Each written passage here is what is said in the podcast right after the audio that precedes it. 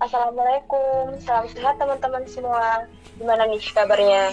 Semoga kita semua selalu diberikan nikmat berupa kesehatan dari Tuhan Yang Maha Esa ya.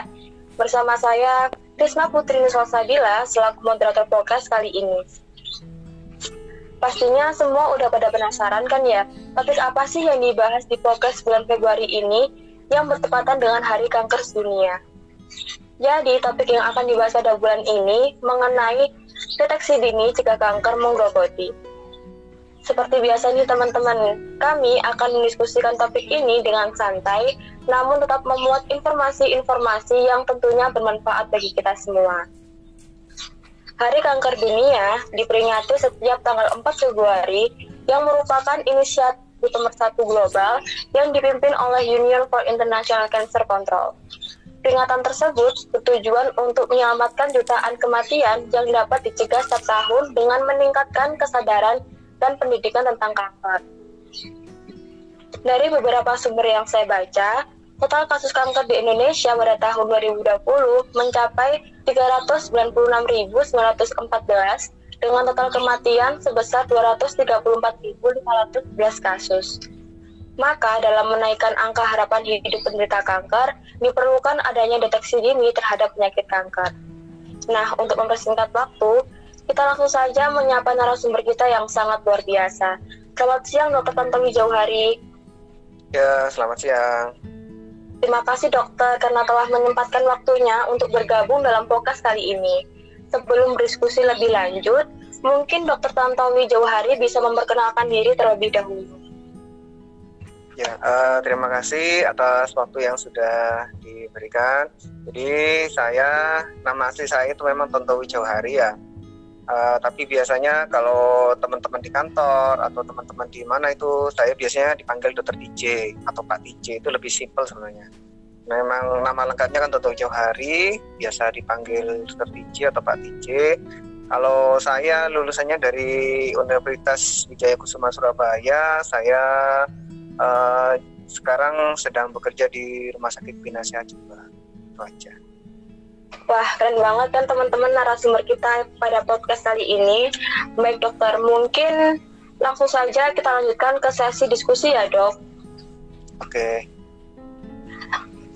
Pertanyaan pertama, sepeda pemahaman saya, kanker itu adalah tumbuhnya sel abnormal di dalam tubuh secara tidak terkendali Mungkin dokter dapat menjelaskan lebih dalam lagi mengenai apa sih yang dimaksud dengan kanker itu dan mengapa sel tersebut dapat berkembang namun tidak dapat dikendalikan di dalam tubuh.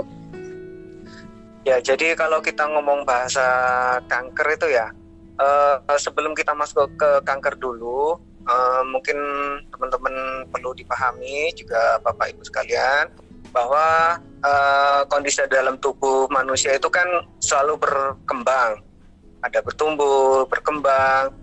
Kemudian sel-sel dalam tubuh manusia itu kan ada yang mati, kemudian diganti oleh sel-sel yang baru. Itu yang disebut sebagai pertumbuhan dan perkembangan.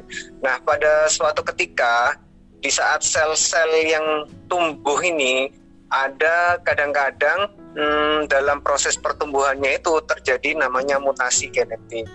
Jadi ada perubahan proses waktu sel itu misalnya membelah. Jadi ada perubahan. Entah itu eh, apa perubahannya itu biasanya memang tidak seperti yang seharusnya. Nah, pertumbuhan atau perkembangan sel atau pembelahan sel yang tidak seperti sel normalnya ini jika dia akan berkembang terus maka dia akan tumbuh seperti jaringan lain bukan jaringan asal gitu. Nah jaringan lain ini mirip seperti jaringan asal, tapi dia itu sifatnya berbeda. Sifatnya dia tidak seperti sel yang seharusnya, tapi dia sifatnya lebih ganas, lebih ganas, lebih merusak, lebih uh, cepat penyebarannya, lebih cepat tumbuhnya dan sebagainya. Dan itu akhirnya mengganggu fungsi tubuh secara umum. Sebenarnya itu yang disebut sebagai cikal bakalnya tumbuhnya kanker. Cuma mungkin uh, perlu dipahami dulu ya. Jadi kalau di tubuh kita itu ada suatu misalnya benjolan ya. Tidak semua benjolan itu kanker ya. Jadi uh, bahasa tumor mungkin Mbak tahu ya namanya tumor ya. Jadi oh. tidak semua tumor itu adalah kanker. Jadi yang disebut sebagai tumor itu adalah suatu benjolan yang tidak seharusnya ada. Misalnya kita habis terbentur, kan kita benjol itu, nah, itu juga bisa disebut sebagai tumor. Atau kita habis uh, kesenggol apa, misalnya atau misalnya uh, patah tulang misalnya ya, atau keselio itu kan bengkak, itu juga disebut sebagai suatu tumor. Tapi tumor-tumor di situ tidak ganas. Nah, tumor yang pertumbuhannya seperti yang disebutkan tadi itu itulah yang disebut sebagai kanker. Jadi perlu dibedakan antara tumor dengan kanker sebenarnya. Dan memang ada kanker-kanker juga itu yang tidak bisa dideteksi secara kasat mata karena kankernya ada di dalam tubuh. Itu sih untuk pengantar kanker. Oh begitu ya dok, penjelasan iya. itu. PJ mengenai kanker ini sangat detail sekali dan tentu saja sangat memberikan wawasan baru tentang penyakit kanker lebih dalam lagi, baik untuk saya maupun teman-temannya. Baik, kita lanjutkan ke pertanyaan berikut ya dok. Oke. Okay. Sampai saat ini masih banyak pasien kanker yang baru menyadari bahwa ia sudah menderita penyakit tersebut setelah stadium lanjut. Nah, menurut dokter, pencegahan seperti apa yang tepat untuk menghindari permasalahan tersebut? Uh, jadi memang untuk tumor ya, kita mas coba ke tumor. Tumor itu kan juga tumbuh. Nah, tumor itu kan seperti tadi saya bilang ada yang ganas, ada yang jinak. Jadi tumor itu juga tumbuh, tapi dia tidak segan, secepat seperti kanker. Nah, ada pada beberapa kasus, hmm, kalau kita memang tidak aware sama tubuh kita sendiri, misalnya kita itu tidak sadar dengan apa yang terjadi sama kita, misalnya, oh ada gini, ah biasa aja, misalnya kayak gitu, itu biasanya uh, ditakutkan itu suatu hal yang tidak normal. Nah, yang ditakutkan pada kanker itu jika misalnya ada contoh ya ada benjolan kecil itu dibiarkan ah biar aja nanti hilang-hilang sendiri gitu. Ternyata dia tumbuh cepat sekali. Dalam waktu beberapa bulan itu sudah naik misalnya 4 sampai 5 kali lipat dari ukuran sebelumnya. Itu biasanya. Yang jadi permasalahan di masyarakat biasanya adalah uh, meremehkan kondisi yang ada di tubuhnya. Ah enggak apa-apa ini cuma gini aja itu biasanya. Akhirnya tidak diperiksakan.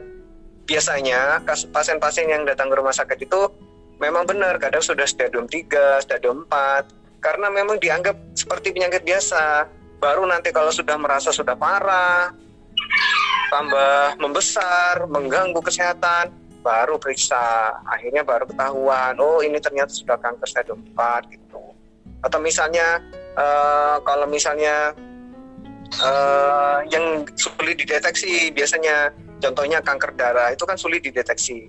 Tiba-tiba kondisinya datangnya sudah lemes sudah pucat gitu kan datang ke rumah sakit oh ternyata sudah ada kanker darahnya. Dulu dulunya dia ngeluh seperti itu dianggap biasa. Berarti untuk salah satu pencegahannya itu seperti apa ya dok? Uh, pencegahannya ya mungkin gini aja secara umum ya. Uh, kalau misalnya kita melihat ada sesuatu yang tidak umum pada tubuh kita loh kok tiba-tiba sekarang ada kayak gini ya di tubuhku? Apa ya ini? Nah itu boleh, boleh silakan langsung diperiksakan tuh nah terutama biasanya memang kan mohon maaf ya pada wanita biasanya itu biasanya memang ada yang menyarankan untuk mamiri ya pemeriksaan sendiri pemeriksaan payudara sendiri. Atau kalau misalnya ada menstruasi yang tidak seperti biasanya misalnya menstruasinya sebulan pertamanya satu kali tiba-tiba kok kok satu kali kok banyak? Atau misalnya kok satu bulan itu lebih dari satu kali? Ya itu boleh diperiksakan. Terus kalau misalnya di perut misalnya apa ya perutku kok tiba-tiba tambah lama tambah besar. Nah itu juga boleh bisa diperiksakan sebelum bertambah e, lebih lanjut itu penyakitnya itu baik dokter. Berarti salah satu pencegahan untuk menghindari permasalahan tersebut dengan melakukan pemeriksaan sadari juga sama iya. dokter ya dok? Iya, iya. Baik, untuk pertanyaan ketiga, hingga saat ini masyarakat awam masih kurang peka terhadap deteksi dini. Padahal ada berbagai metode yang dapat dilakukan secara mandiri di rumah seperti metode sadari, pemeriksaan payudara sendiri untuk mendeteksi ya. payudara. Bagaimana pendapat dokter tentang hal tersebut? Iya, seperti yang barusan itu ya. Jadi uh, memang pada jadi kalau bisa kita bedakan antara laki-laki dan perempuan. Jadi memang organ laki-laki dan perempuan itu beda ya. Kalau pada laki-laki itu kan ada prostat, tapi di perempuan tidak ada prostat. Terus di wanita kan juga ada uh, itu tadi ada payudara, ada organ uh, organ dalam untuk ini untuk tupanya janin dan sebagainya, untuk pertumbuhan dan sebagainya itu kan tidak ada di laki-laki. Jadi uh, perlu pemeriksaan dini, terutama pada uh, wanita pada di payudaranya. Misalnya kalau misalnya senggang gitu, monggo uh, ada waktu misalnya habis mandi pas mau pakai baju coba diperiksa apakah di situ ada benjolan yang tidak seperti biasanya? Apakah ada nyeri yang tidak seperti biasanya? Kalau misalnya nanti benjolan misalnya ada benjolan itu uh, sebaiknya langsung diperiksakan ya. Monggo langsung diperiksakan apalagi itu misalnya tambah lama tambah besar apalagi kalau misalnya bertumbuhnya tambah cepat gitu tapi kalau biasanya kalau dewasa muda umur sampai 40-an tahun itu jarang kanker ya. Biasanya benjolan pada wanita usia muda atau dewasa muda itu biasanya tumor jinak atau di situ ada inflamasi. Inflamasi itu maksudnya peradangan. Atau pada ibu hamil yang sedang menyusui tapi menyusuinya itu tidak bisa optimal itu biasa juga terjadi sumbatan di saluran susunya itu akhirnya bengkak itu juga bisa. Nah itu contoh-contoh tumor yang uh, jinak. Nah berkata dengan kanker itu biasanya menyerang pada wanita dewasa lebih dari biasanya lebih dari 60 tahun. Itu gejalanya mirip dengan tumor-tumor yang dewasa muda, tapi biasanya tumbuhnya jauh lebih cepat. Terus biasanya permukaannya itu kasar kayak kulit jeruk itu. Jadi kalau tumor biasa, peradangan biasa itu kulitnya tetap kulitnya tetap halus gitu. Maksudnya enggak sampai kasar kayak kulit jeruk. Cuma tiba-tiba agak benjol gitu aja. Itu biasanya kalau tumor Cina. Tapi kalau tumor ganas pertama ada kayak benjolan tapi sifatnya itu kasar. Terus kadang ukurannya itu e, tidak beraturan terus tumbuhnya cepet. Kemudian terus biasanya juga kadang-kadang mengeluarkan cairan itu biasanya untuk kanker. Jadi memang pada wanita disarankan untuk pemeriksaan dini uh, jadi misalnya habis mandi dicek ada nggak ya benjolannya ada nggak ya nyeri gitu.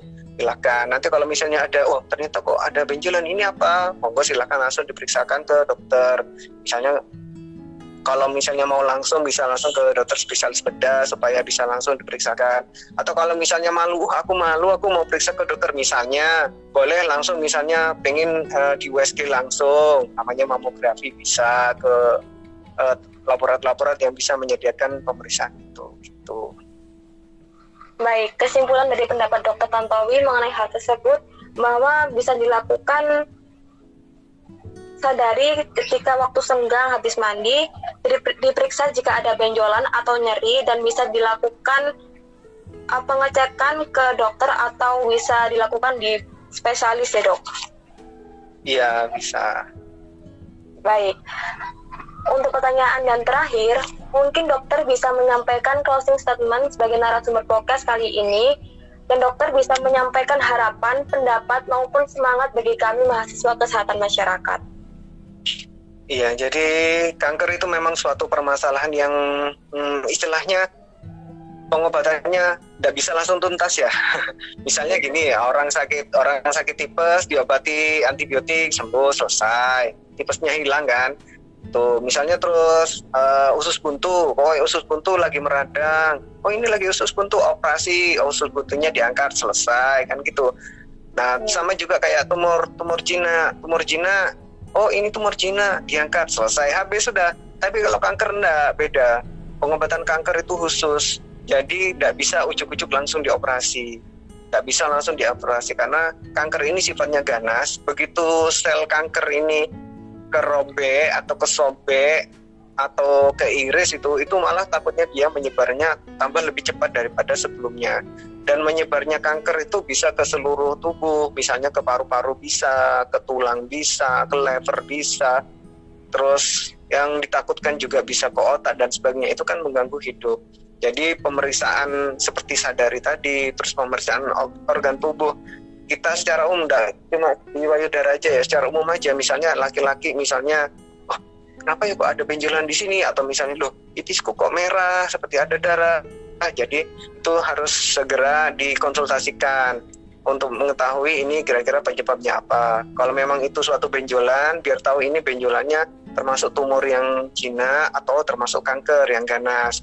Dan jika nanti ketahuan, oh ini kanker, biar segera dapat pengobatan yang lebih optimal supaya harapan hidupnya nanti bisa lebih baik.